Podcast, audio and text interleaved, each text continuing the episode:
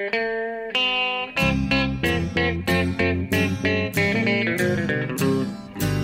out there, we're on the air. It's hockey night tonight. Tension grows, the whistle blows, and the puck goes down the ice. The goalie jumps and the players bump, and the fans all go insane. Someone roars, Bobby scores at the good old hockey game. Oh, the good old hockey game is the best game you can name, best game you can name. Hallå, hallå, hallå, hallå, hallå, hallå, hallå, hallå, hallå, hallå, hallå. Hallå och välkomna till NHL-podcasten med Jonathan Hallåmannen Ekeliv. Vi har det där på, på, som vanligt i Stockholm. Ja. Eh, och mig då Per Bjurman i New York, också som vanligt. Eh, Ja. Och nu ska vi ta och spela in vårt 337 avsnitt. Säsongen som var har vi ju bakom oss. Ja. Men eh, den, eh, nästa har ju redan börjat och vi står inför eh, en, en höjdpunkt som vi har sett fram emot i faktiskt i flera år nu. Verkligen. För att nu på, nu på eh, onsdag, natten till torsdag svensk tid, då har vi ju då expansion draften när eh, Seattle Kraken, det 32 laget i NHL, kliver in på scenen och eh, väljer spelare från de övriga lagen. Vi vet ju nu vilka de kommer att välja bland, för i, i helgen här så, så fick ju då eh, de övriga lagen, minus Vegas, som inte de är undantagna från det här eftersom de själva är en så ny klubb. Ja, vilket i efterhand kan tyckas lite konstigt. Det är inte så att de Ja, har fått en lag faktiskt- precis. Nej, nej så är det. Men, men eh, de övriga klubbarna fick lämna in sina listor på skyddade och oskyddade spelare. Så nu, så nu har vi eh, och resten av hockeyvärlden verkligen något att grotta ner oss i några dagar, eller hur? Mr Teddybjörnen Ekeliv. Ja, precis. Oj, vad... Och det är ganska stora namn vi kommer komma in på som finns tillgängliga på de här listorna som Seattle kan bara plocka då, rakt av. Eh, så att det här är... Ah, det känns minst lika kul måste jag säga som när Vegas klev in i ligan. För då var det visserligen så nytt och det var så länge sedan vi hade haft en expansionsdraft. Men ja, jag tycker att det känns minst lika hett nu att det kanske är ännu mer stora namn i rörelse just nu. Eh, så att, eh, ja. Ja, jag, jag håller med dig om att det är nästan mer intressant eh, den här gången. Därför att ja, det var helt nytt. Det var så nytt så ingen riktigt kunde hantera formatet. Egentligen varken Vegas eller eh, de övriga klubbarna. Men nu vet ju all, i princip alla inblandade mer om vad det har gått ut på och, och har ju eh, agerat accordingly. Försökt eh, eh, sätta sig själva i bättre position än vad de gjorde då. För att med facit i hand så var det ju många som blev av med spelare de inte ville bli av med eh, den gången. Och det eh, gör de ju allt för att undvika nu, på, eh, kanske med smartare drag. Då. Precis, för att även om det var rörigt för Vegas då också får man säga att de gjorde ett väldigt bra jobb med facit i hand.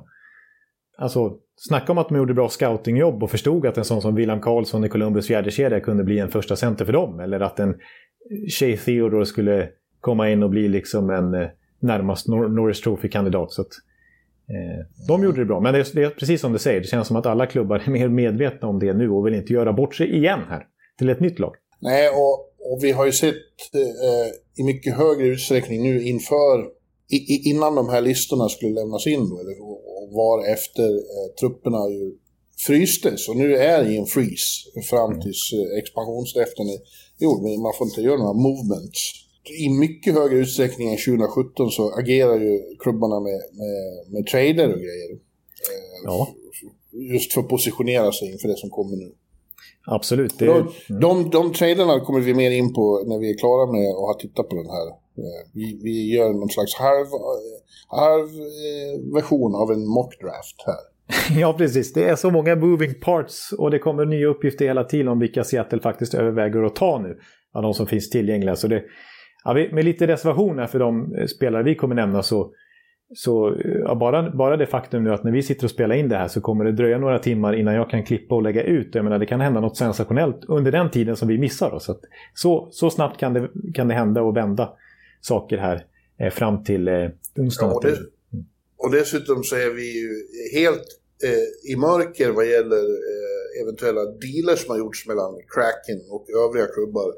Mm. Eh, det förekommer ju också då att, man, att eh, de lovar varandra om ni gör si och så och inte tar de här så får ni det och det. Och ja. det vet vi ingenting om än.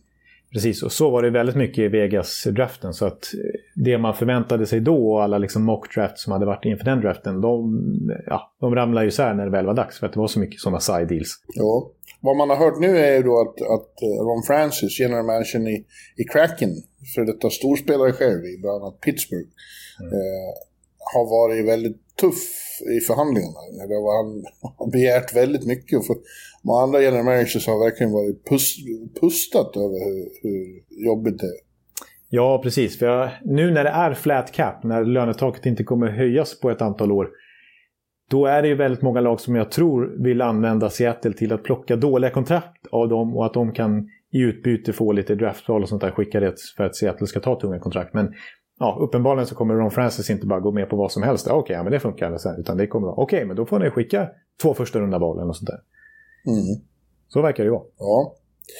Ja, eh, men om vi, om vi tar lagdel för lagdel här nu då och tittar vilka som har blivit tillgängliga och inte tillgängliga för cracken. Och då börjar vi med målvakter och då, då finns det ju en, en eh, rätt så sensationell uppgift eh, dök upp för några dagar sedan. Eh, att eh, det helt enkelt är så att Montreal Canadiens inte skyddar Carey Price. Eh, utan mm.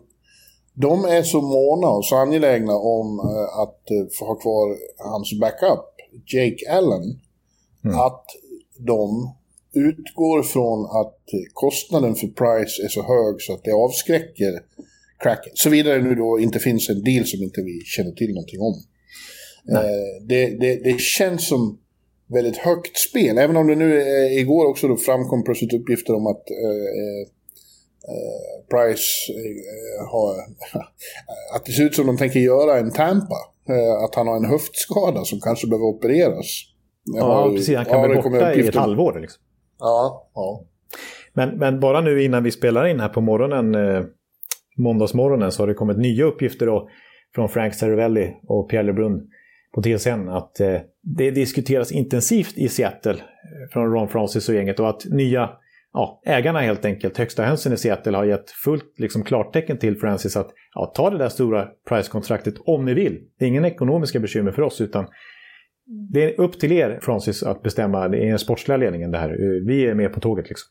Och ja, de vill ju veta lite mer här också om, om Price skadesituation. Då, om det är så att han har en allvarlig knäskada och måste opereras och bli borta länge. Och han är ju trots allt 34 bast. Han sitter på det här stora kontraktet, NHLs bäst betalda målvakt, över 10 miljoner dollar i löntagsträff i, vad är det, fem år till. Och han är 34 ja. bast. Alltså. Ja, det är ju ett, det är strukturerat på eh, speciellt sätt kontraktet. Det är dessutom så att han redan nu i september ska ha ut 11 miljoner i signingbonus. Det är mycket av det där kontraktet är signingbonus. Just det. Men som sagt, och därför kan man tänka sig att ägarna bara oj, ska vi svälja, svälja det liksom? Men det har de tydligen gjort. Om ni vill ha price så betalar vi. Ja. Mm. Men absolut, visst är det en bomb liksom. Det är ändå en ikon i Montreal och det är svårt att vara Montreal i en sån... Äh, Montreal. Det är svårt att vara ikon i en sån klubb. Han har precis tagit dem till Stanley Cup-final och så helt plötsligt ska han dumpas då gratis i en expansionsdraft bara några veckor senare. Och det, det, det, är ju så att han har ju eh, dessutom då gått med på det själv. Han har ju sagt upp sin eh, no movement-klausul. Mm. Och det är inte så då att Seattle kan plocka honom och sen trada vidare, vilket ju såklart vore också extremt attraktivt. För att eh, om de plockar honom då, då eh, aktiveras den här no movement-klausulen direkt igen. Just det. Men, eh, ja. Men, eh, och jag tänker, visserligen har han bott eh, hela sitt vuxna liv i Montreal och är superrotad där nu, men han kommer ju från västra Kanada, mm, liksom eh, uppe i British Columbia. Det är inte långt ifrån Seattle egentligen. Mm. Oh, nej, jag, jag, vet inte. Jag, jag, även om det är kittlande, i synnerhet nu när du säger att, att, att, det, att det verkligen eh, har börjat diskuteras i, i, runt Francis på hans kontor där uppe i, i Seattle. Mm. Eh, jag tror att det är ett långt steg innan de tar honom. Och jag, jag får någon stark känsla av ändå att det finns något, eh, något i bakgrunden. Och förklara för mig varför är det så angeläget att behålla just Jake Allen? Vad är det som är så speciellt med honom? Han, ja, han är en solid backup, men eh, det, sådana går det väl att hitta fler av? Ja, precis. jag förstår inte riktigt heller varför det är så viktigt. Visst, eh, det hade varit ett ganska bra pick för Seattle att ta honom, men visst, och han har varit kanske Price bästa backup sen de hade Jaroslav Halak en gång i tiden. Men eh, nej, jag håller med. Alltså att riskera. Men det kan ju vara så att Montreal vet också mer om hans medical records här och, och är oroliga för Price framtid och ser en chans att bli av med hela det här enorma kontraktet eftersom de tror att Price kommer eh, vara hämmad av de här skadorna. Eh, ja. Ja, det, är svårt att spekulera, men det är ändå en bomb att han är... Att vi sitter och diskuterar Carey Price till ett expansionslag ja, efter en Stanley Cup-final. Ja, verkligen. Det är ju lagets största stjärna och främsta orsaken till att de gick till final. Eh, utan tvekan. Och du vet, eh, Fleury blev ju Face of the Franchise och stor publikfavorit direkt i Vegas. Liksom. Det här skulle ju verkligen vara en Face of the Franchise för Seattle att kunna visa upp att vi har Care Price. Ja. En av 2000-talets absolut bästa målvakter i kassen. Liksom. Ja. Ja, det, det är väldigt kittlande alltihop. Det är det. det, är det. Ja. Men om de inte vågar gå den vägen, eller om det finns skäl till att de inte gör det, så det finns ju fler målvakter som är intressanta. Och vi, vi har ju länge pratat om att vi, eller du framförallt har sagt att, de, eh, att det mest sannolika är att de tar eh, Chris Dreger från, från Florida. Precis, det, så är det ju. Han har gjort det väldigt bra i Florida i, i lite i skymundan där och eh, absolut utkonkurrerat Sergej Bobrovski. Även om Bobrovski får stå en hel del ändå. Men, men eh, det skiljer ju enormt i lön mellan de två och ändå har ju Dreger eh, varit klart mycket bättre.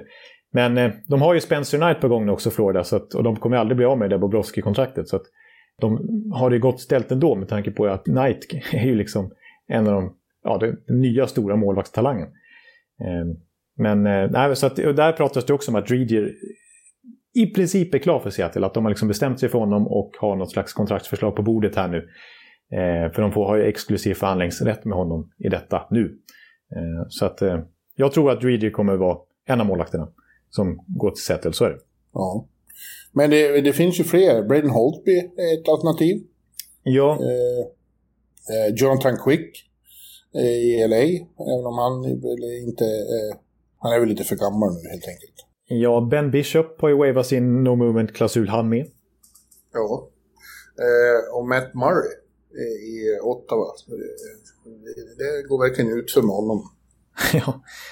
ja, precis. Men det var ju ganska dyra alternativ vi nämnde nu. Verkligen etablerade namn, men ja, de lever ju inte riktigt upp till sina kontrakt. Speciellt inte Matt Murray. Och Ben Bishop är en chans, chansning med hela sin skadehistorik sen många år tillbaka. Så den här säsongen spelar ju ingenting egentligen för Dallas. Och Quick, är det som du säger, han är inte alls som han var. Visserligen börjar hans stora enorma kontrakt att rinna ut här snart. Så att, eh, men, eh, men sen finns det ju billiga, billigare alternativ. Dreger är ju just ett sånt. Eh, jag tycker Capo Kekkonen som gjorde bra i Minnesota den här säsongen. Han är tillgänglig och är ett bra alternativ. Vitek Vanesek ju som inledde slutspelet för Caps. Washington där är också tillgänglig och billigt alternativ. De kommer väl att ta mm, någon stjärna då eh, och sen eh, också några yngre. Eh, och jag vill minnas att Vegas plockade på sig en jävla massa målvakter. Och sen, det är ju det också, de, de ska ju göra den här eh, expansionsdraften men sen är ju de med i Free Agency också så de, de, de, har ju liksom nytta av att knyta till sig spelare som de sen kan trada vidare direkt. Ja, precis. Så att eh, jag förväntar mig kanske, jag menar en Vitek Vanesek och eller Kapokekkonen för den sakens skull på rookie-kontrakt. Väldigt eh, lite pengar men redan liksom visat att de håller rätt bra NHL-nivå. Många contenders som behöver en backup, till exempel mitt Tampa till exempel, och många andra lag också, skulle säkert vara intresserade av en sån låg lönetagsträff på sin backup och därför kunna höra av sig direkt till Seattle efter att de till exempel valt Vanesek och försöka träda till sig honom. Och så får ja, Seattle in assets då. Ännu fler draftval till exempel. Vi kommer ihåg att Seattle, eller Vegas då hade tre val i första rundan i den vanliga talangdraften efter expansionsdraften eftersom de hade gjort sådana side deals. Då. Ja, ja, ja, jag tycker överhuvudtaget det här är, det är som vi sa, många moving parts. Och jag blir frustrerad över hur svårt det här är och komplicerat eh, hela processen. Den är ju det är väldigt mångfacetterat. Alltså. Mm. en sån här gång. Och tänk om, om vi som följer NHL har svårt att få grepp om det, tänk hur det då är för liksom något average fan som inte följer NHL så noga. Det här måste ju vara rena kinesiska emellanåt. ja, det, det är inte lätt att hänga med i svängarna här alltså. Nej. Eh, men jag kan säga då, jag har tagit ut ett lag eh, lite snabbt ska jag säga här nu på, på morgonen. Och eh, ja, för att bara få ett lite mer konkret. Jag tror inte att många av de här spelarna faktiskt kommer vara i Seattles trupp i slutändan. Men lite snabbt lekte jag Ron Francis och tog ut spelare här. Så att jag kan nämna vilka målvakter jag tog ut då. Det blev fyra stycken. Mm. Eh, och jag tog Carey Price bara för att det är kul. Alltså det, det hade varit häftigt. Sen vet jag inte med tanke på hans skadesituation och, och längden på kontraktet och storleken framförallt om det verkligen är värt det. Men jag, jag tog Care Price bara för att det är roligt. Sen tog jag Chris Dreger, jag tog Vitek Vanesek, jag tog av någon anledning Dustin Tokarski från Buffalo. Så Price, Dreger, Vanesek, Tokarski blev min målvaktssida. Ja. Mm. Ja, men det... Ja, jag... det är inte så att jag har någonting att invända direkt. Nej. Men eh, bara en sak till. Då, 2017, då visste man på förhand att, att Flurry var förmodligen det man var säkrast på att Vegas skulle ta. Ja, ja precis. Då hade det ju läckt ut att det, det kändes väldigt troligt. Att, och det, ja. i efterhand visade det sig att det var ju klart redan vid trade deadline i mars. Ja, han var den första som presenterades, vill jag minnas, på, på själva expansionsdraften Just det. i Vegas. Precis. Den här äger ju rum i Seattle. Jag kunde varit där, men jag var... Nej. Känns, det känns inte så troligt. Det verkar inte bli, om jag läser andra mockdrafts som har gjorts nu, det verkar inte så troligt att det blir särskilt mycket svenskar. Alltså. Nej, jag kan säga i mitt lag så har jag tre. Och då har jag ändå ansträngt mig lite, så vi får se om det blir så många. Men mm, jag har tre. Det är tråkigt om ni... Jag vill ha några svenskar där. Jag ska titta på premiären i, i oktober. Ja, det förstår jag. Det förstår jag. Ja, Seattle, komma till en ny stad, det, det är roligt eh, med NHL eh, och alla ställen man kan åka men det blir ju samma om och om igen. Ja. Och Seattle är en underbar stad. Det passar väl lite musikintresse dessutom? Ja, verkligen. Jag var där på musik just en gång. Jag var där med The Nomads från Solna. Aha. Sveriges bästa garagerockband någonsin. Eller ja, ett av de bästa rockbanden överhuvudtaget. Eh, 94 var det väl. Eh, så spelade de in en skiva i, eh, i Seattle. Jag var där och gjorde reportage för tidningen Pop. Ja, Okej, okay. jag funderade ju på att åka dit men det blev inget. Nej, jag skojar. Jag skojar. ja, då var du var? Nio? Tio? Jag var tre och ett halvt. ja, ja då, då hade du inte hängt med på, våra, på rockklubbarna vi gick på. Det Nej, det låter lite för hårt kanske. Jag, jag, var mer barnvänligt hade passat mig. Ja. Trasan ja. och bananer kanske. Precis. Ja, men det, och sen dess har jag inte varit... Jag var bara, sen dess har jag bara mellanlandat. Så det, jag skulle verkligen eh, se fram emot att komma tillbaka. Ja. ja. Eh, det är om det. Backarna då, Mr Teddybjörnen? Ja, eh, ja, det största namnet skulle jag väl säga, att det finns ju några stora. Det finns ju P.K. Subban till exempel och det finns ju, jag tycker det är anmärkningsvärt att 2019 års Norris Trophy-vinnare Mark Giordano helt plötsligt här nu är också tillgänglig i expansionsträffen. Det har ju varit lite spekulationer om det, men det är ju ganska snabbt eh, förfall från Norris Trophy-vinnare till expansions-exposed två år senare. Ja, han är väl det tyngsta backnamnet. Subban i och för sig då, men han har ju, han har ju lite chanserat och sitter på ett kontrakt som Seattle inte vill ha. Ja, precis. Är, han har ju bara ett år kvar där, men det är 9 miljoner dollar per säsong och, och han har ju inte nu börjar man tappa lite hoppet om att Piqué Subban någonsin ska kunna bli så bra som han var en gång i tiden när han också har vunnit Norris Trophy. Ja. Men du, du har ju under hela året har ju du flaggat för eh, Brent Burns, men det hör man väldigt lite om. Han ja, blev så, inte skyddad va? Han blev skyddad.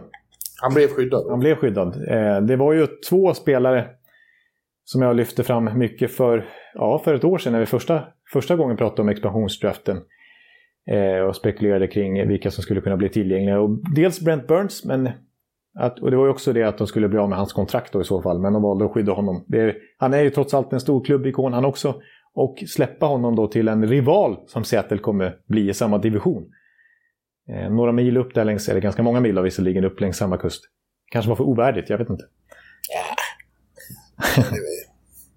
Nej, men de är, han, är, han är mer... Eh, Sharks värdesätter honom högre än vad du gör. Ja, uppenbarligen. Eh, och den andra som man trodde då skulle bli en krake, det var ju TJ Oshie, eftersom han är local boy. Mm. Och samma sak där, att, att, Washington skulle bli av med ett långt kontrakt på en 34-35-åring. Eh, men han valde ju Washington att skydda nu efter en fin säsong. Ja.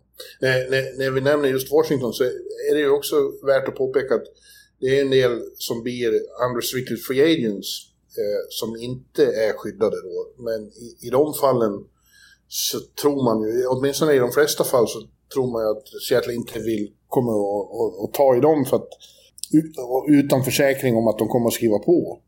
För de är, ju, de är ju just unrestricted, de är ju, styr ju själva sitt öde och bestämmer vem de ska skriva på efter 28 juli. Ja, exakt, så Alexander Ovechkin har ju förmodligen ett avtal klart med, ja. Ja, med Caps som de väntar med att gå ut med efter expansionsdraften bara för att då kan de ju skydda någon spelare till istället för att när de ändå vet att han inte kommer skriva på för Seattle så är det onödigt att skydda honom. Då. Ja, jag, jag, det törs jag, säga. jag har lärt mig den bistra läxan att inte lova sådana här dumma saker. Om det händer, då lovar jag att äta upp det och det.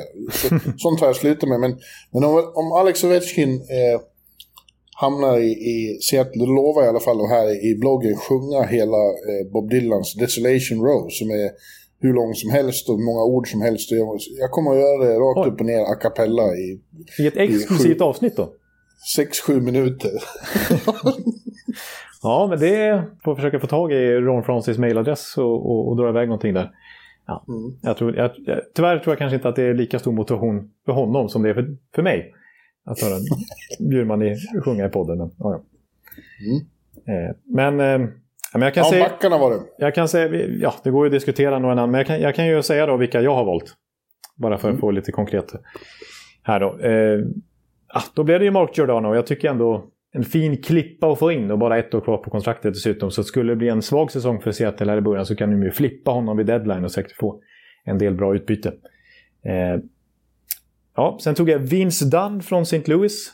Ja, det tycker jag känns som en, eh, en given. Mm. Då ska vi komma ihåg att då tar de i så fall inte Tarasenko, vilket vi kommer att komma in på, för de får bara ta en spelare från varje lag. Mm. Men, eh, om, ja. eh, sen har jag tagit Jake Bean från Carolina som jag tror väldigt mycket på. Jag är jätteimponerad av honom. Den här säsongen, mm. den lilla speltid han fick och lira andra PP och sådär i Carolina. Han tror jag, Ron Francis har ju dessutom Carolina-koppling så att där, det känns också som en no-brainer lite grann. Även om till exempel Nino Niederreiter också är, är oskyddad i Carolina så tror jag Jake Bean, det, det, kan bli en sån, kanske inte Shea Theodore, men det kan bli en, han kan få en fin utveckling med större förtroende. Eh, sen har jag tagit Carson Saucy från Minnesota. Jag tog då inte Kappa Kekkinen i kassen utan jag tog Saucy istället som jag tycker är en bra back. Jag tog Jeremy Lawson från Boston. Jag tog Troy Stetcher från Detroit. Nikita Sadoro från Chicago, Hayden Fleury, också en gammal Ron Francis-kille från Carolina, nu i Anaheim. Och sen sist mm. ut Cale Clark i LA Kings. Ja, jag sitter och tittar på eh, en alternativ mockdraft som eh, eh, Dan Rosen och några till på NHL.com gjorde. Det är mm. några namn som, de har också Flurry och Giordano och Bean. Mm. och vem var det mer du hade som, ja Vince Dunn då. Mm. men sen har de också Connor Clifton från Boston eh, Gabriel Karlsson i Columbus. Dennis eh, Detroit. Mm. Kulak i Montreal. Det betyder att de inte tar eh, Price då. Nej. Och eh, Brandon, Brandon Dillon, Washington. Just det, det är också ett ganska etablerat namn som lämnades oskyddad. Mm. Men jag, jag, tror att de du kan bocka av där är, är Giordano och, och Dunn. Jag tror inte de kommer gå efter Tarasenko. Nej, han kommer hamna, han kommer hamna någon annanstans. Så han, det har ju helt han och St. Louis relation verkar ju vara en total eh, katastrof nu. Ja, vi kan väl ändå ta, ta den grejen. Ska vi ta den nu för när vi ändå kommer in på forwards? Eh, eftersom att Tarasenko är ett eventuellt namn för Seattle. Ja, vi var inne lite på det redan förra veckan när de första uppgifterna började sippra ut. Men sen dess så, så, så känns det nu helt plötsligt helt ohållbart. Alltså, det kommer inte bli någon fortsättning i St. Louis för honom.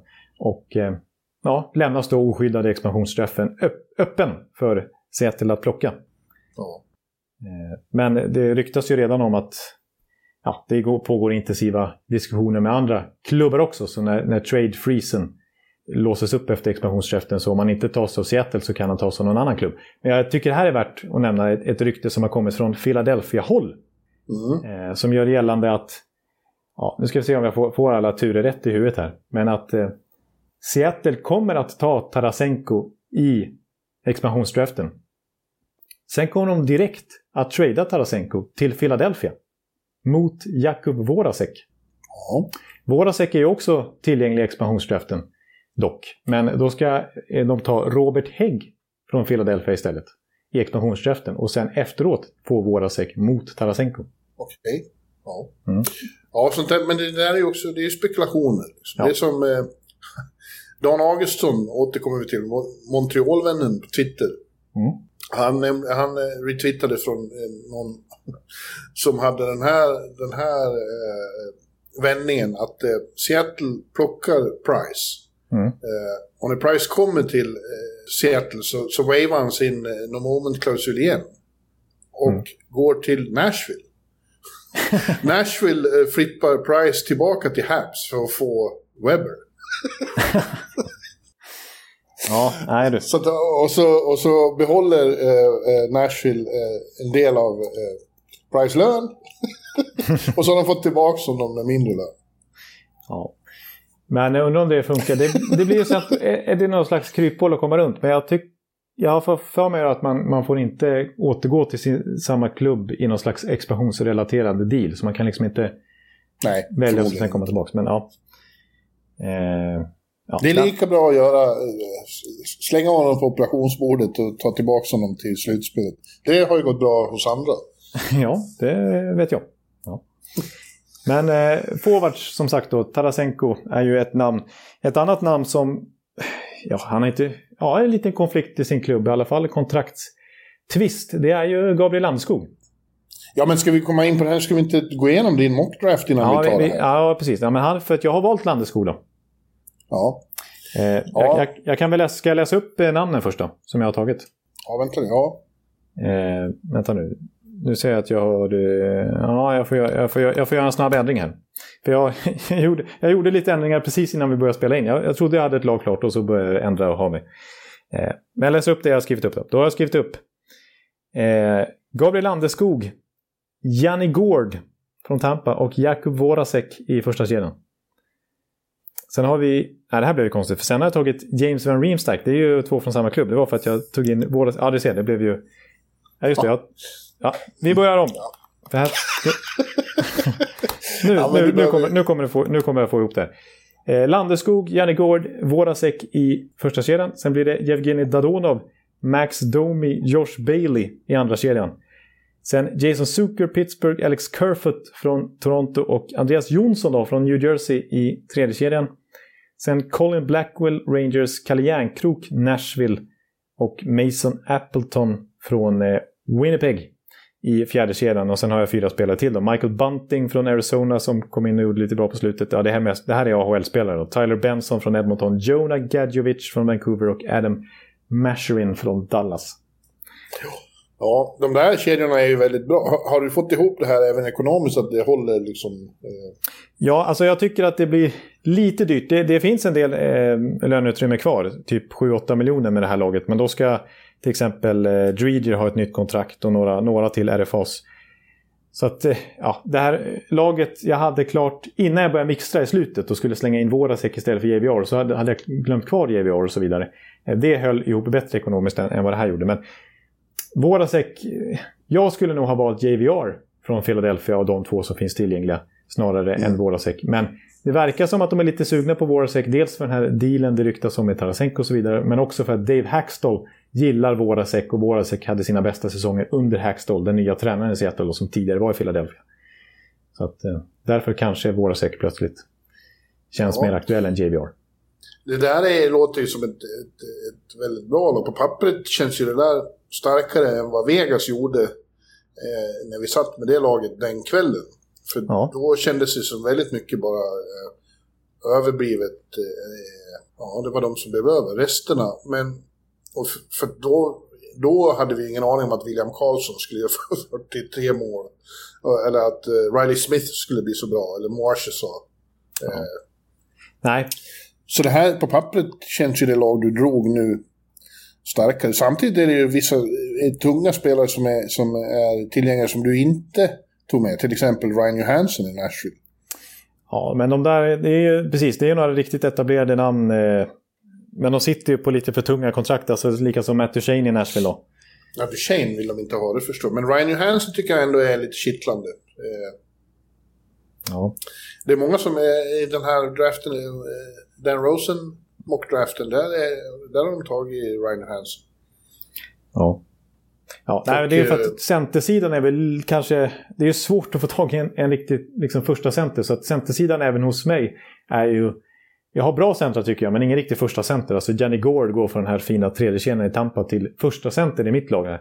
Eh, Max Domi, ja, han hade ju en fin säsong i Montreal en gång i tiden, men har ju svajat och lyckats inte liksom kunna spela center under Tortorella i Columbus. Och så Alex Kerfoot tror jag ganska mycket på. Det kan bli Jared McCann att ta från Toronto också, men, men Kerfoot tycker jag har gjort det väldigt bra i tredje, liksom, tredje kedjeminuter i Toronto. Att han skulle kunna ha lite mer hockey i sig i en större roll. Inte William Karlsson-utveckling, men ändå glänsa mer.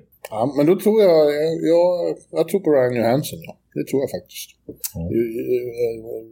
Ha en riktig första center. Han är ju bara, han är bara 28 eller vad han är va? Mm. Så han är, ska ju vara, även om det har svajat något år här och där, så, så ska han ju vara i sin prime. Ja. Ja, men... Eh, det... Men Landeskog situationen, mm. de här tar ju då Jonas Donsko istället. Det är också ett, ett tungt namn. De har också tagit Frank Vetrano. Eh, det mm. har jag för mig en gammal eh, Ekeliv-favorit. Vetrano? Eh, mm. Ja, nej, det vet jag inte. Jag gillar honom. nej, nu har han ju spelat i Florida så länge och då, då är man automatiskt eh, bannad på min lista. Men, men eh, när han var i Boston och local boy och, och farsan pizzabagare liksom i närheten där. Det, det, det, tyckte jag var coolt. Och så bara slänger de iväg han, Boston, sin, sin egen kille. Det gillade jag inte. Ja, ja. men du, eh, Gabriel-situationen då. Jag skrev en krönika här om när det här blev känt att jag, jag tycker att det skulle vara fantastiskt. Det skulle vara fantastiskt för Seattle att få in honom som kapten eh, och ledare och liksom bygga hela identiteten kring Gabriel. Det skulle vara kanon och jag skulle personligen tycka det var väldigt bra om vi hade en sån superstar i det nya laget. Men med honom är det ju så då att han blir också UFA, precis som Ovechkin vi pratade om där. Mm. Eh, och kommer att signa det han vill, när han får det han hoppas få. Mm. Eh, men grejen där är ju då att det låter som det har gått extremt trögt i förhandlingarna med Colorado. Och det, eh, om Seattle, de får ju förhandla, eh, de, de är de enda som får höra sig för nu till de andra spelarna. Om de kan göra en deal med Gabriel om att ja, vi går med på dina lönekrav, du får det här. Då är, då är det ju tänkbart. Ja, precis. Jag tog ju faktiskt honom här i, i mitt lag, för det vore ju, som du säger, för Seattles skull så vore det ju perfekt att få in en sån tydlig ledare som Landeskog är. Den karaktären han har. Det, det vore ju fantastiskt för att sätta liksom som stomme och som kulturbärare och byggare i det nya omklädningsrummet tycker jag. Eh, men samtidigt, ja, nej precis. Alltså, nu har Landeskog varit med och byggt upp det här Colorado-laget istället. Och liksom, det känns när liksom intervjuer med dig och med andra här under slutspelet och, och innan så har man, verk, man har verkligen hört på honom hur mycket han vill vinna nu. Alltså han har kommit till en punkt i karriären när han vill lyfta. Det är dags att lyfta den där bucklan. Det är allt han har framför sig liksom i, i synen. Så att han ska gå till ett nytt, helt nytt projekt som Seattle är, det känns som att det, det är inte hans största prioritet. Liksom. Nej, men eh, å andra sidan så låter det som det är väldigt mycket prioritet med att få eh, den lön och, och, och, och, den längd på kontraktet han vill ha. Exakt. Det står ju ganska långt ifrån varandra. Uppges det, vem vet? För det kan ju vara teater alltihopa också. Ja, precis. Nej, men det är det som är problemet eh, där i Colorado. att Nu, nu, nu ska Cale Bacar ha nytt kontrakt. Nu ska Landeskog ha nytt kontrakt. Och nu ska Philip Grobauer ha nytt kontrakt. Och alla är ju under marknadsvärde på sina tidigare kontrakt. Och nu vill de ha bra betalt. Och de såg hur mycket betalt Mikko Rantanen fick här om året. Varför ska de plötsligt ha pay cuts då liksom? Eh, om några år ska även Nathan McKinnon ha en rejäl löneökning. Så att eh, den ekvationen är ju väldigt svår för Joe Sakic att få ihop. Så han måste ju förmodligen offra någon av de här och visst, Landeskog är ju, känns det som hjärtat. Liksom. Pumpar allra hårdast i det omklädningsrummet. Men ja, det sägs ju att det största budet de har kommit upp till Landeskog hittills är väl 5 år, 7 miljoner dollar per säsong. Ska han ha ett 8 års kontrakt, då blir det ja, bara drygt 5 miljoner dollar i lönetagsträff. Och det, det ju, vill ju inte Landeskog ha. Utan han, det pratas ju om att på öppna marknaden, om andra intressenter kliver in, så kan han få 9 miljoner dollar per säsong. Kanske till och med 10 miljoner dollar på ett lite kortare kontrakt. Eh, och att, att Los Angeles Kings ska vara superintresserade. Att St. Louis till exempel ska vara su superintresserade och, och vara beredda att hosta upp betydligt mer pengar än vad Colorado kan ge. Så att, eh, ja. Men... Ja. Eh, ja. ja. Ska jag tippa? Ja, det känns väldigt jämnt. Men jag säger 51 procent ändå att det, att det blir en fortsättning i Colorado till slut. Ja. Ja, men vi, vi kan ju kan hoppas. Ja. En, en, sen är det ju en faktor eh, som eh, vi kanske inte heller hade räknat med riktigt eh, eh för Vegas del. Den här Misfits. att de började kalla sig Misfits och att de fick det här eh, vi mot världen-känslan. Det var inte riktigt så förr i expansionsdrafterna, för då, som vi var inne på, då var det ju två lag direkt och det var, det var inga stjärnor alls, eller nästan ens etablerade spelare som hamnade i de nya lagen. De var ju liksom underlägsna något enormt. Precis. Eh, kvalit kvalitativt när det inte fanns lönetak och sånt heller. Nej, nej. Eh, så den, den faktorn spelade ingen roll för Minnesota och Atlanta och sådana. Nej. Medan eh, det, blev en, det blev en väldig faktor hos, hos William och de här som kände sig, de kände sig liksom åsidosatta av sina gamla lag. Ja, ni vill inte ha oss, vi är bara, vi är bara någon man kan skicka iväg. Och ja. det byggde de ju en, en väldig identitet med eh, första året. Precis. Det kommer att, bli, kommer att bli lika nu. Just det, och exakt. Då som nu kanske ännu mer nu, så var det också, som du säger, lite mer etablerade spelare ändå som plötsligt ja, offrades. Alltså James Neal, Fleury som vi var inne på.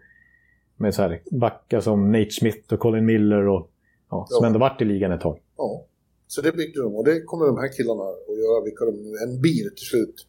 Ja. Eh, mm. En annan tycker jag intressant eh, fakt som inte nämns nu är ju hur, hur de övriga klubbarna ska få lappa ihop relationen med de som inte varit skyddade men sen blir kvar i alla fall. Ja. den, är, den, är, den är lite delikat, den situationen. Ja, just det. Det är, det är sant. Eh, hur man ska då liksom mötas igen. Ja. Och, och, och snacka som att inget har hänt. Ungefär. Ja. Ja, det är som en relation när någon säger ja, men jag, ska, jag, jag, tycker du ska ha en ny partner. Jag, jag har det ute på marknaden. Ja, just det. Ja, det blev inget. Okej, men du får komma tillbaka då. ja. Ungefär så. Lite så är det ju. Och eh, ja, eh, det får de, eh, får de jobba på.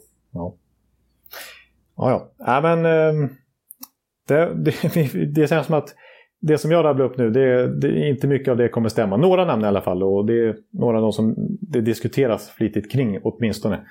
Det lär hända mycket här kommande dagarna fram till själva expansionsdraften, alltså 0-2 natten till torsdag.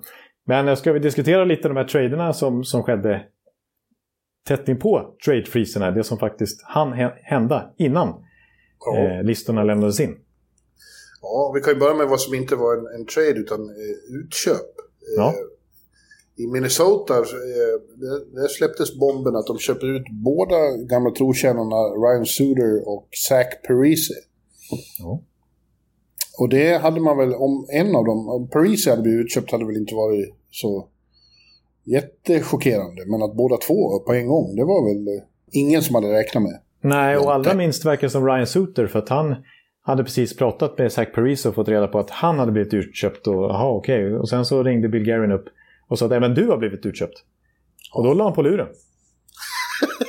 Va? Har du, är det sant? Ja, men enligt Michael Russ och där beat reporter i Minnesota så ska han ha lagt på innan de riktigt hann säga ja, det blev inget bra avslut på samtalet om man säger så. Nej, det låter inget vidare. Nej. Så, ja, Han är ju en lite barsk typ, Sure. Ja. Och eh, ja, det var ju två identiska 13-årskontrakt som Parisi och Suter skrev på då 2012. Mm. När Minnesota verkligen skulle göra en... Sin, alltså de var ju ett expansionslag och hade det väldigt svårt första decenniet i NHL. Men då, 2012, då kom ju den stora satsningen. Paris är väl dessutom local boy, vände hem till ja. Minnesota. Och ja, det ledde ju faktiskt till att de gick, från att ha missat fyra raka slutspel, så gick de plötsligt till sex raka slutspel. Men eh, det ledde bara till två stycken eh, slutspelsrunda vinster, så de har inte kommit mycket längre än så. Eh, och nu slutar det alltså med att båda köps ut med fyra år kvar på kontraktet. Ja, och Garen eh, vill ju göra det här. Han vill forma det här laget efter sitt eget huvud. Det var ju två bromskrossar som inte han hade med att göra som han nu blir av med. De är ju i decline båda två. Framförallt Paris har varit eh, problem. Han har varit väldigt skadebenägen också. Ja, han var ju faktiskt helt i scratch när ja. slutspelet började. Ja. Och Suter eh, har ju varit tyngre. Han har verkligen varit framförallt backuppställningens nummer ett där länge. Han har ju ofta varit den som spelar ja, ihop med Drew Doughty och några till som har spelat mest i hela NHL. Han har ju varit uppe på så här 30 minuter i många matcher. Det vet vi som håller på med fantasy. Att han är ett kap alltid. Ja, när man har eh, istid som kategori så är det perfekt att ha Ryan Suter. Men faktum är att det här var ju första säsongen någonsin sedan han kom till Minnesota som han inte toppade interna istidsligan utan det var ju, det var ju faktiskt Jonas Brodin. Ja. Mm. Som han tidigare inte ville spela med, kommer du ihåg det? Det var någon konflikt där om att ja, eh, Suter inte gillade att spela med Bacon. Nej, just det. Det är sant. Men båda de här kommer med, tror man ju att fortsätta. Det är mycket prat om eh, att eh, Parisi ska återförenas med Lula Moriello i Islanders. Mm. men att de kan vara intresserade även av Suter. Alltså jag tror många, alltså Suter har ändå bra ställt på bankkontot så att han, ja, han får ju pengar nu i och med utköpet också så att eh, han skulle kunna skriva på ett, ja, göra som Joe Thornton till exempel och skriva på till och med, kan man tänka sig till och med för League Minimum Alltså, ja, vad är det på 750 000 dollar per säsong. Eh, I någon contender. Så att en contender kan få en billig superveteran. Liksom. Ja, Islanders är väl en contender om Det får man säga, absolut. Mm. Eh, New Jersey nämns också som adress för Paris, att han ska komma hem dit. Mm. Efter att ha kommit hem till Minnesota. ja, precis. Ja. Eh, nej, men jag tror många lag är intresserade. Boston har väl pratats lite om för Suter och Colorado. Ja. Mm. ja. Ja, som sagt, om, om det går att få honom billigt så är det ju såklart otroligt attraktivt. Precis, och jag är lite ändå lite förvånad över det här utköpet. Eh, ja, det sa vi. Vi sa ju att vi var lite chockade över den här bomben som vi till och med kallar det. Men eh, alltså hur lite Minnesota trots allt tjänar på det här utköpet utifrån hur kontrakten är uppbyggda och hur därmed utköpen ser ut. Eh, för att de sparar ju 10 miljoner dollar mot lönetaket den här säsongen som kommer. Och då förstår man, det är ju, det är ju bra. Men sen de tre sista åren, då blir det bara några hundratusen dollar per år. Så ja, då är det så här att de betalar 14 miljoner dollar per säsong för spelare som inte ska vara med i laget. Så man kan säga att Minnesotas egen lönetaksträff, ja, den blir plötsligt 67 miljoner dollar istället för 81,5 miljoner dollar som alla andra lag. Så att, jag menar, då är det svårt att få plats med en Jack Eichel som de har jagat till exempel. Och de ska skriva nytt här nu med Kaprizov och Fialla och så vidare. Eh, så att de tjänar på det kommande säsong, men sista åren på de här utköpsåren är, är katastrof. Katastrof så kallar du det till Ja, jag ser det. Ja. ja, men det, det vittnar ju bara om att Gary var väldigt angelägen om att bli av med dem. Då nästan till vilket pris som helst. Ja. Och eh, ja, det här som när man skrev de här enorma kontrakten som blev förbjudna i och med lockouten där 12-13. Mm. Eh, vi ser ju hur de kan vara på slutet av de här ja, liksom år 10, 11, 12. Liksom. Det, det är inte vackert. Ja. Zetterberg var precis inne på sitt sista år, var han inte? Ja han, var, ja, han hade väl... Den här säsongen tror jag var den sista på hans kontrakt. Ja, just det. Så var det. Precis. Exakt. Ja. Men du, eh, eh i Nashville, ett annat lag där det hände väldigt mycket. Eh, eh, där Poyle, eh, general managern, har, har, han envisas ju med, han insisterar på att det inte är en rebuild, men det är ju så det ser ut. Ja. Viktor Arvidsson eh, tradades som bekant till eh, LA för några veckor sedan. Mm. Nu slutar Pekarinne, det har ju i och för sig inte Poyle så mycket med att göra, men ändå. Han är ju del av, eh, väldigt stor del av identiteten hos The Nashville som blev ett topplag ett tag. Precis, han är ju deras Henrik Lundqvist, deras Carey Price ungefär kan man säga. Ja, ja, ja. Ja, och så nu då så tradar han eh, backpjäsen Ryan Ellis till Philadelphia Flyers. Eh. Där han ju var, de hade sina Big Four där när de gick till final med, med det var han och, och, och Josie. Roman Josie, Mattias Ekholm och Piqué Subban. Det var ju, man tyckte det var de bästa topp fyra backarna i ligan. Ja. Eh, nu försvinner han också. Och så som sagt så sätter han upp både Ryan Hansen och eh, Matt Shane som oskyddade i, i expansionsdraften. Han bryter ju ner kåren där helt och hållet. Ja, verkligen. Han försöker bygga om den totalt. Och på ett sätt så förstår jag att han vill göra det för att Visst, de är ju, egentligen är ganska många av de här spelarna är fortfarande helt okej okay ålder. Liksom, Forsberg är ju ung, han är kvar naturligtvis. Men Johansson som du säger, han är ju bara 28 bast ungefär. Och, och Josie har precis passerat 30, precis som Ryan Ellis. Det är inte så att de är Visst, vissa av dem är väl på väg neråt, men de är fortfarande i hyfsad prime-ålder sådär. Men det har inte... Sen den där finalen 2017 och President's Trophy blev det väl 2018. Så har det ju gått ner för, för, för Nashville och den här säsongen efter en fantastisk push på slutet så tog de sig till slutspel, men inte mycket mer än så. Han har ju förstås känt Poil att, att, eh, ja, att det, inte, det här kommer inte räcka så mycket längre. Och det stora problemet är naturligtvis de här enorma kontrakten. Felsatsningarna på framförallt Matt Duchene, men också Ryan Johansson-kontraktet. Mm. För det är ju 16 miljoner dollar uppbundet på två spelare som inte klarar av att vara första center. Ja, det där tycker jag är att ta i. Ja. Men han, är, han var ju till exempel riktigt bra nu i, i slutspelet faktiskt. Eh, så länge de nu var med. Ja. Så var det nu, när Ryan Hansen är på toppen av sin förmåga så är det absolut en första center. Ja, men som, det är ju det här märkliga fenomenet i, i Nashville att Filip Forsberg har varit uppe på det poängsnittet några gånger. När han, men han har ju missat en hel del matcher beroende på skador de senaste åren. Men de har alltså ingen 70-poängs forward sedan 2008. Och jag menar, tjänar man 8 miljoner dollar per säsong som Duchene och Johansson gör, då ska man kunna komma upp i 70 poäng någon säsong i alla fall. Uh, men de fick ju inte något mycket utbyte för Ellis heller. De tradade ju uh, för... Uh... Nolan Patrick och mm. Philip Myers. Ja, Philip Myers behöll dem, men Nolan Patrick skickade dem direkt till Vegas. Så skickade Cody Glass i retur. Ja. till National. Cody Glass var ju Vegas första draftval någonsin. Mm. Eh, men har inte riktigt etablera sig. Jag tycker inte han har fått någon riktig chans heller. Eh, så det kan i och för sig finnas outnyttjad eh, potential där. Men, eh, men att sitta med Phil Myers efter att ha haft Ryan Ellis, ja. Hallå? ja, nej, precis. Alltså Philip Myers är väl en, var i alla fall en, en ganska stor talang. Jag hade rätt stora förhoppningar på honom. Liksom, duktig offensiv, samtidigt ganska stor växt och så här. Och vi, han är fortfarande bara 22-23 år så det kan ju bli någonting där. Men alla de här tre prospectsen som ingick då, eh, Patrick, Myers och Cody Glass, har ju inte alls levt upp till hypen som var när de var tonåringar. Ja, Nolan Patrick som hamnade i Vegas då. Eh, han har haft sina hjärnskakningsproblem och missar en hel säsong och, och så vidare. Men, ja, ja, nu, nu pratar vi egentligen Nashville och nu börjar jag prata Nolan Patrick. Men, och, och, nu ska jag egentligen prata Flyers. För att snacka om alltså att det inte blev som de hade hoppats på med Nolan Patrick. Alltså han gick, de gick från, i draftlotteriet så skulle de egentligen drafta 14 det året, 2017. Men vann ju, kan man säga, lotten så att de fick drafta tvåa helt plötsligt och kunde ta Nolan Patrick. Trea gick Miro Heiskanen, fyra gick Cale McCarr, Femma gick Elias Pettersson. Snacka om att Patrick inte blev vad de hade hoppats på. Nu kommer han till Vegas istället där Kelly McCrimmon är general manager.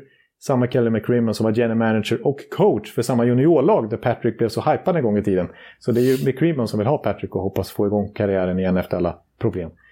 Men eh, ja.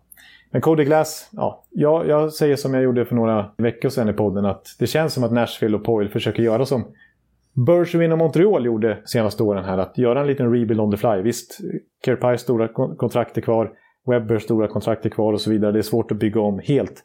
Men så får man in en Nick Suzuki, man får in en Cole Caulfield och lite nytt ungt. Och jag, jag kan tänka mig att Powell hoppas att, eh, liksom att Cody Glass är deras Nick Suzuki ungefär. Mm. Ja, men här ska vi få en prognos om Nashville. De missar slutspel nästa år. Ja. Tack Tack för det. Nej, men jag köper det. Jag köper det. Men vi måste väl säga något också om Ryan Ellis, vad han tillför i, i Flyers. Det är en av de stora spelarna i, i traden. Ja, han uppgraderar deras backsida omedelbart. Ja. Eh, ja. Där finns det ju fortfarande väldigt mycket att ta. Jag tror han jag är besviken på Nashville. Han har ju pratat mycket om... Han, han skrev ju ett jättekontrakt så sent som 2018. Ja och har velat vara kvar där. Hela karriären har han sagt flera gånger. Han var väldigt djupt rotad i the community. Han kändes väldigt Nashville som person. Ja. Men nu, nu, nu kommer han eh, dit och spetsar en backuppställning som inte var alls vad någon hade hoppats på den gångna säsongen. Släppte in flest mål i hela NHL, Flyers, förra säsongen. Ja.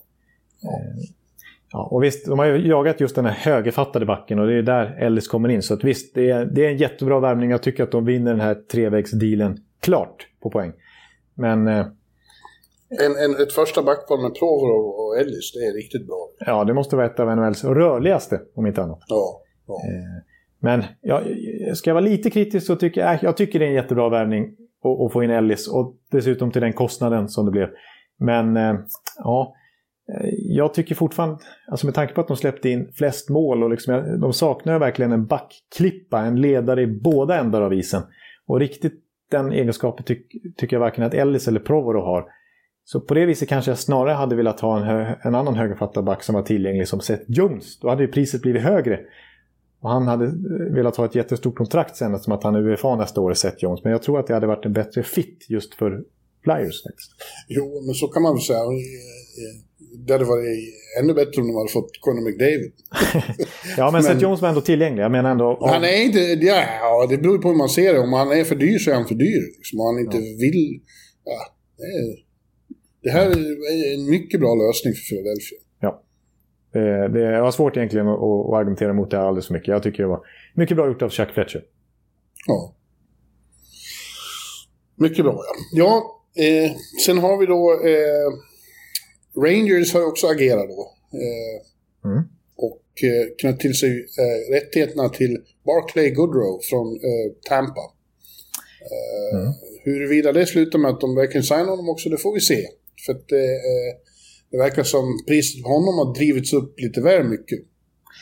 han var ju ja. del av en väldigt bra den där identity line i, i Tampa med med betjänten och med eh, Gårde. Mm.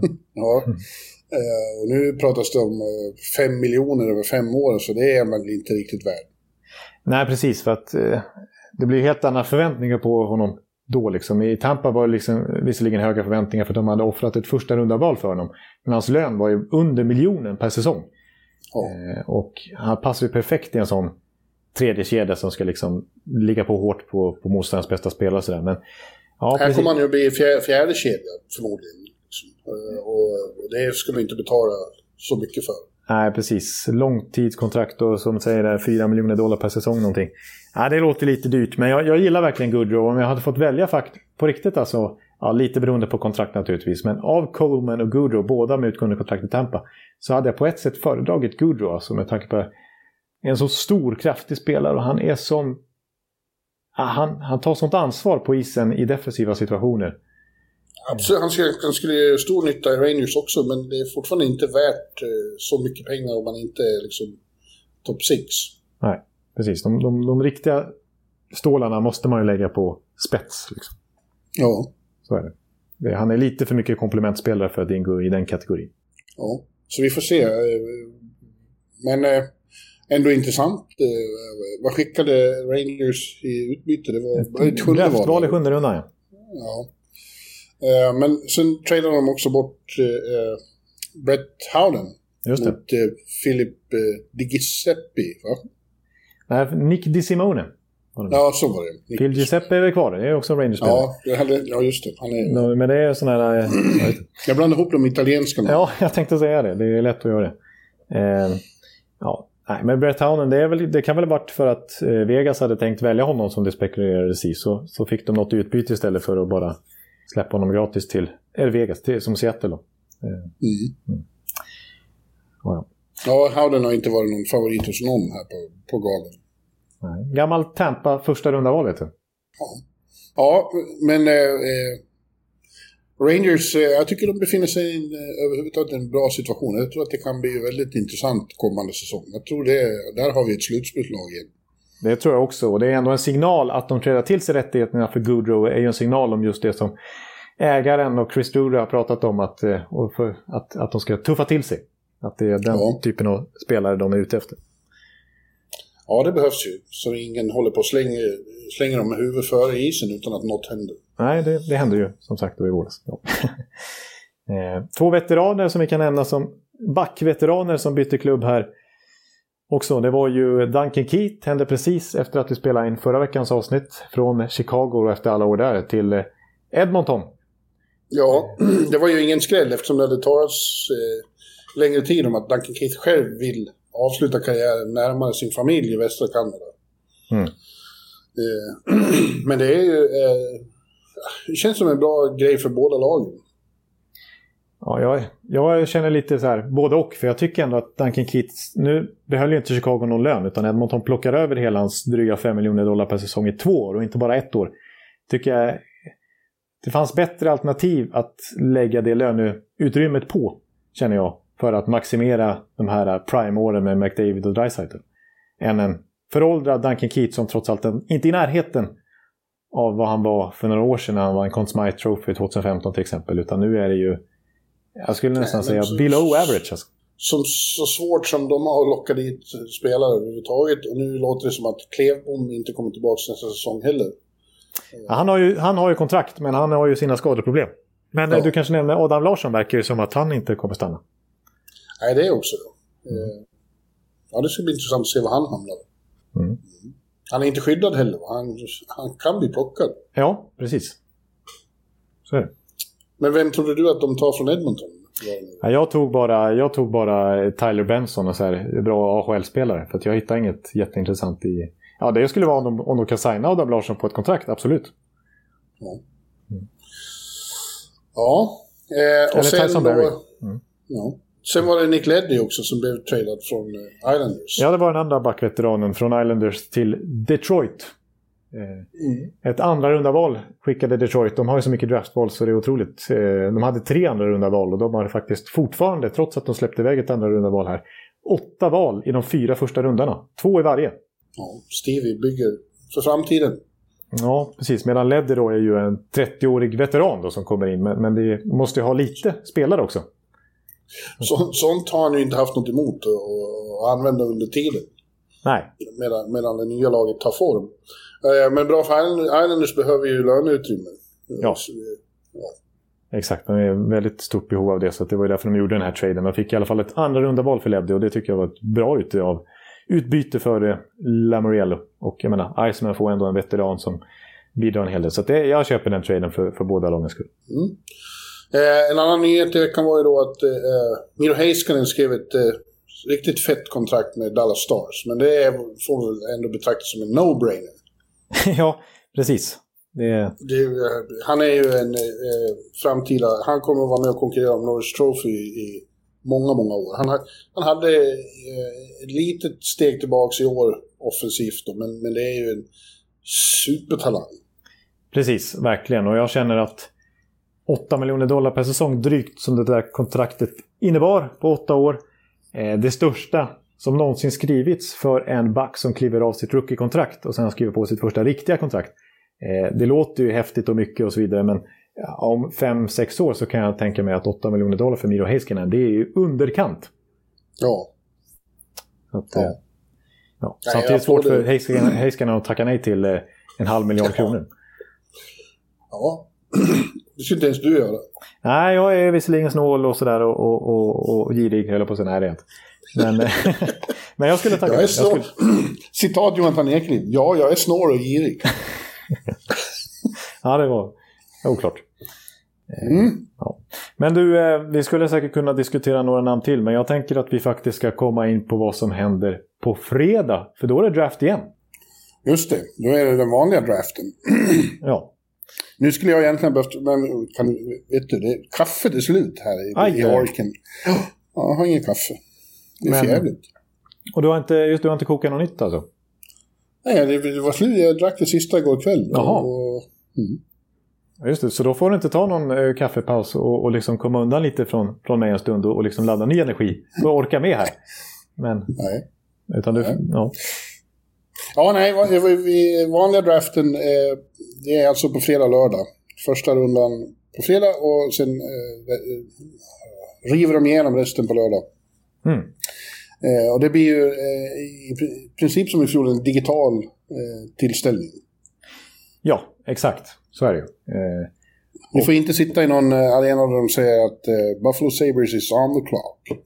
Nej, precis. Och sen så kommer spelarna upp och ja, eh, få på sig tröja och keps och smila lite grann och ta lite awkward bilder brukar det vara. Men, eh, ja. den, den, grejen blir inget av nu. Igen. Eh, skulle ha varit i Montreal tror jag va?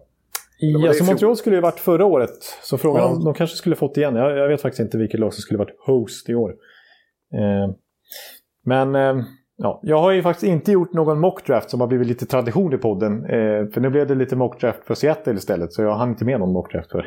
Ta tack. Ja, ja till, till din, eh, precis. Det brukar vara en halvtimmes monolog ungefär. Det snöar in eh, tio minuter på någon eh, kanadensare som jag tror ska gå nummer sju. Eh. Jag kan berätta för att Montreal ska arrangera i Bell Center 2022. blir det entry draft där. Just det, då får de till slut sin kompensation. Ja. All-Star 2022 blir i Las Vegas. Det kanske vi pratar om. Nej, det vet jag inte om vi har nämnt, men det är ju coolt. Jo, det är, det är fantastiskt. Det, då, då blir det party. Du. Då kommer en viss Per Bjurman att vara på plats och det sjunger om det. Ja. det var någon som pratade om... Ja, vi åker dit och så tar vi planen därifrån direkt till Beijing på OS. Ja, ja, ja. Där ser man. Mm. Flyger man över Pacific? Ja, precis. Mm. Eh, Okej, okay. ja, men eh, vi har lite draft-snack här ändå inför. Och, och, och, det är ju nämligen så att ja, det brukar vara mycket svenskar som, som går i draften överlag eh, numera under många år. Men eh, det kan bli ganska rejält många i första rundan den här, det här året. Det kan bli, ja, det kan bli fem, sex stycken till och med. I alla fall fyra stycken tror jag. Ja. Eh, och det, det största namnet, det är väl det är William Eklund. Lillfimpen. Mm. Christian Eklunds son som ju tog SHL med storm i under vintern överglänste ju en annan supertalang där, Alexander Holt, som ju annars var, gick högt i draften i fjol och liksom mest hypad i, i, av Djurgårdens unga juniorer. Men, men, men Fimpen, Lill-Fimpen ser väldigt vass ut och, och det kan, han kan mycket troligt gå topp fem här. Eh, mm. Vissa har honom till och med tvåa, trea. Någon hade honom till och med som etta. men jag, jag gissar på femma typ. Och då hamnar han i?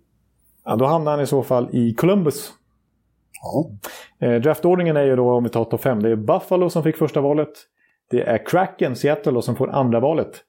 Eh, sen har vi Anaheim, New Jersey och Columbus. Och Detroit, som vanligt, så får de inte det där riktigt höga valet utan de får nöja sig med sjätte plats i år igen. Ja. Men fler svenskar, eh, mycket nämnvärt är ju också att Jesper Wallstedt kommer att bli den första svenska målvakten någonsin att väljas i första rundan. Han kan gå så högt som 10 ju... Och då hamnar han i? En tia, ja vilka är det där? Jag vet att nia är Vancouver i alla fall. Tia har jag inte framför mig just nu. Men, eh, ja, men han kan gå... Jag, gissar mellan 10 till 15 mycket troligt för Jesper Wallstedt. Han hamnar i Ottawa om han går som nummer 10. Ja, det skulle ju redan vara en uppgradering mot uh, Matt Murray, känner man. Uh. Ja, men de har ju mycket svenska målvakter nu. Ja, Filip Gustafsson, också Luleå-produkt, precis som Wallstedt. Och så har de ju Anton Forsberg. Och, ja, mm. De har haft Marcus Högberg i många år. Eh, men eh, Wallstedt då, redan som 15-åring då, skick, åkte, när gymnasieåldern så åkte han upp, lämnade Västerås och flyttade långt upp till Luleå istället. Och extremt målmedveten målvakt som ju ja, har verkligen ser framför sig en NHL-karriär sedan länge och jobbar stenhårt för det. Och yngste målvakt att debutera i SHL yngste målvakt att spela för J18-landslaget, yngsta målvakt i J20 Superelit genom tiderna. Så att han har ju redan slagit en massa rekord och är ju verkligen en supertalang och kan gå väldigt tidigt här i draften också. Eh, ja, sen har vi ju Simon Edvinsson, Edvinsson som inte riktigt hunnit etablera sig i SHL längre. Storväxt back i Frölunda. Som liksom tilltalar många då för att han är stor, han är 1,95 lång, väger nästan 100 kilo. Samtidigt rörlig, Bra på skridskorna, fin skridsk, liksom, eh, fint spelsinne, är ju en offensivt skicklig back. Eh, och liksom, vissa ser framför sig att det här skulle kunna bli nästan en Viktor Hedman-typ som är väldigt allround. Eh, men ja, jag ska säga att det, det jag hittills sett av honom i SHL har jag inte varit så imponerad. Han är inte redo än, men, men potentialen finns där i alla fall. Och, Nej, scouten Ekelevs. ja, men jag såg honom lite i Frölunda under säsongen och då tyckte jag att det märktes att den här killen är inte gammal och inte riktigt redo för det här steget än. Men många scouter håller honom väldigt högt och det kan bli topp 10 på honom också. Mm. Och sen har vi fler svenskar som kan gå i första rundan. Fabian Lysell i Luleå, också gammal Frölunda-produkt, bytte ju lite uppmärksammat under säsongen från Frölunda till Luleå. Eh, vi har Oskar Olausson som var yngsta svenska forward i JVM i HV71. Och vi har eh, en Leksandskille, det gillar ju du, Isak Rosén. Mm. Vindsnabb, Eh, vi har William Strömgren som ju Rögle vann dragkampen om bland SHL-klubbarna från Modo här inför den här säsongen. Då. Kommer att spela i Rögle. Forward. Eh, och så har vi ja, Anton Olsson i Malmö kan gå i första rundan också, eller i alla fall andra rundan. Så många svenskar eh, ja, som det, eh, skrivs om. Eh, det är bra och det, det mot, mot, sätter ju motbild mot den här idén som har planterats i Sverige för att, för att det gick dåligt i VM och för att vi inte hade så många svenskar i, i eh, topp i de poängligorna här i, i NHL. Men eh, det, det, har man då tagit som intäkt för att det är kris i svensk hockey. Men det här visar att det är inte alls det. Nej, precis. Det kan bli en av de bästa svenska drafterna, i alla fall liksom toppmässigt sett i första rundan så här, på, på, på ett bra tag. Mm. Men däremot så är det väl så att den här draften betraktas inte som någon av de starkaste på senare år? Nej, verkligen ju... inte. Och det finns ju inte den här givna generational talent-diskussionen kring något första runda val som det... Eller första, första val. Som, som det brukar vara. Förra året var det givet att Lafreniere skulle gå etta och liksom för några år sedan hade vi ju McDavid och vi hade Austin Matthews och vi hade Rasmus Dahlin och sådär. Eh, som var liksom solklart nummer ett. Och, och det, nästa år finns det en solklar nummer ett. Alltså Shane Wright är en enorm talang. Oj, oj, det, det är lag som vinner första valet nästa år. Det, de kommer få en kanonforward. Ja. Men den som, den, den, som allra flest trots allt har som nummer ett i år och som det troligaste är att Buffalo väljer, det är ju backen Owen Power. Ja. Eh, som ju ja, inte försämrade sina chanser eh, med sin insats i, inte JVM utan vanliga VM. Han var ju med för Kanada när de vann guld här. Eh, överraskande. Med sitt B, ja vad ska jag säga, F-landslag. Eh, I den här turneringen. Eh, det, liksom, ja, det var ju väldigt profillöst i alla landslag visserligen då, i och med corona. Men eh, Owen Power började som sjunde back och liksom CO lär. Men eh, i semifinalen mot USA, då spelade han 27 minuter. Han blev ju plötsligt en... Han var ju så bra så att han blev en bärande spelare i guldlaget i VM. Och eh, ja, han, kom, han är också stor. Det är också lite så här Victor Hedman-jämförelser på sikt. Eh, och han har ju ett bra namn, Owen Power. Ja, ja det är bra. Och det, det ser bra ut på backsidan. Framöver för detta eviga trassellag Buffalo med både Dalin och Power. Ja. Och jag vill nämna, nämna det också, att vi behöver inte gå in på så många fler namn, men det är anmärkningsvärt i alla fall att Owen Power han tillhör alltså University of Michigan. Lite ovanligt att en kanadensare spelar i den amerikanska collegeligan och inte i de kanadensiska juniorligorna då. Men han spelade i University of Michigan och tre andra killar i samma lag kan gå topp 10. Eh, Matthew Beniers, eh, som vissa andra har som, faktiskt som etta av alla, spelar också i University of Michigan. Han spelar också VM för, för den sakens skull, riktiga senior-VM i USA. Eh, vi har Kent Johnson. Jag gillar det namnet, Kent Johnson. Det låter som en SSK-brukare på 80-talet ungefär. Men eh, Kent Johnson heter han och, och eh, kanske, en, det är liksom ingen brukare utan det är den kanske snitsigaste, mest tekniska spelaren i hela draften. Spelar också University of Michigan. Och Luke Hughes. Och, och Hughes, det har man ju vant sig vid att någon någon som går tidigt i draften senaste åren ska heta. För det var ju, ja det var ju, eh, blanda ihop alla. Queen Hughes, det är största brorsan där i Vancouver ju, som ni vet. Och så har vi ju Jack Hughes i New Jersey. Ja. Och, och så, så Christian Hughes. Och så Christian. Christian. Ja, han får, nästan, han får nästan ingå i den brödraskaran faktiskt. Men eh, nu kommer den sista lillebrorsan här. Eh, som ju är eh, Luke Hughes. Och han är faktiskt eh, paradoxalt nog störst av dem rent fysiskt. Det är en eh, relativt storväxt back och kanske lite mer defensivt inriktat än de andra två bröderna. Och till och med mer defensivt inriktat än Christian Hughes får vi säga. Eh, och ja, det skulle ju inte vara helt otroligt att han går som nummer fyra och i så fall till New Jersey då och får spela med brorsan Jack. Ja.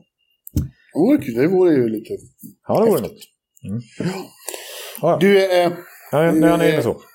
Ja, vi kör ingen ny äh, draft, eller ny podd inför, inför den draften. Det blir för tätt på given här. Vi återkommer efter den och börjar dividera om äh, när det är dags för äh, Free Agency. Men du, vi ska nämna en sak som är en stor sak idag. är ja. ju att för första gången någonsin så har en spelare med NHL-kontrakt kommit ut som gay. Just det, det var ju precis Luke, här innan vi spelade in. Mm. Ja, Luke Prokop, 19, som tog sig tredje rundan av Nashville mm. förra året. Eh, han har inte spelat NHL än, eh, men han har kontrakt och det är unikt. För det har aldrig hänt förut då att en, att en spelare, hockeyspelare på den här nivån i Nordamerika kom ut som gay. Och, eh, applåder från podden till honom, vilket var modigt, var stort och grattis. Och det kommer vi hålla mycket på. Precis, först ut som kommer Ja. ut liksom. Det är, förhoppningsvis banar det här vägen så att Så att fler kan fler, törs och fler vågar framförallt att komma ut. För att det här, ja, Ja. det är ju en machokultur inom hockeyn så det kanske inte är någon tillfällighet, tyvärr, att det här är faktiskt första gången det, sker. Men förhoppningsvis så ja, är det här en markör. Ja, och det är ändå ett framsteg. Alltså jag, jag har pratat en hel del med, med spelare om det här. Eh, skrev faktiskt en artikel till, eh, vad heter den? Eh, QX. exakt, exakt. Mm. Eh, om, och, och intervjuer med, med Henke Lundqvist och Henke Zetterberg om det här. Och de hävdar ju då idag att det skulle absolut inte vara något problem i deras lag om någon kom ut. Mm. Och det är i så fall väldiga framsteg mot hur det var på 80-talet till exempel. Det hade inte fungerat då, tror jag. Så Nej. det här är ändå eh, framsteg, är det. Ja. Te- tecken på. Ja. Så, heja Procco. Absolut. Och heja Ekeliv. Eh, eh, nu är vi äntligen klara med den här utan kaffe-podden. Jag måste ja, springa precis. ut och Nu köpa måste du kaffe. genast springa iväg. Ja. Så att du klarar dig. Eh, Ja, men vi får tacka alla som, som orkat lyssna på oss. Det blir ju lite rörigt naturligtvis med så mycket regler hit och dit och så många spelare och så många rykten och uppgifter. Och, och jag fick inte riktigt ihop laget trots att jag hade förberett. Eh, Men jag hoppas att ni har fått ut någonting av det här. Och eh, så har vi ännu mer att diskutera nästa vecka. Då blir det mer konkret. För då vet vi hur Seattles lag ser ut. Yes. Och vi vet, så hur draften vi, har blivit. Den vanliga talangdraften. yes. Och så har vi eh, det väldigt spännande free agency-fönstret öppet. Det känns som det kommer att kunna hända väldigt mycket i år. Precis, där har vi stora namn också eh, som ska ut på marknaden. Så det blir otroligt spännande. Eh, Men vi säger väl eh, ha det gött tills dess och njut av expansionsdraft och talangdraft och sommarvärme allihopa. Mycket fint sagt Jonathan. Tack och hej! Hej! Hallå, hallå, hallå.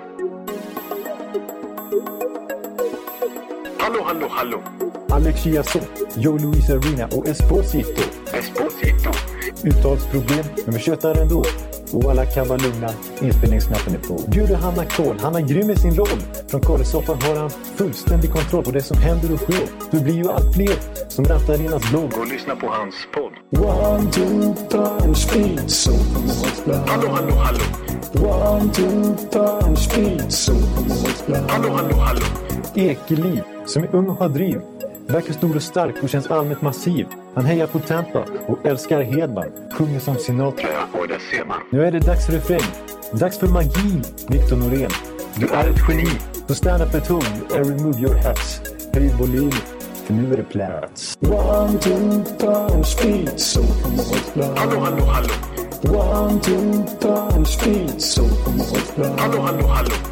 One, two, time, speed, so Hallå, hallå, hallå. One, two, time, speed, so Hallå, hallå, hallå. Det är otroligt länge sedan båda samtidigt var så här bra. Hallå, hallå, hallå. Det är otroligt länge sedan båda samtidigt var så här bra.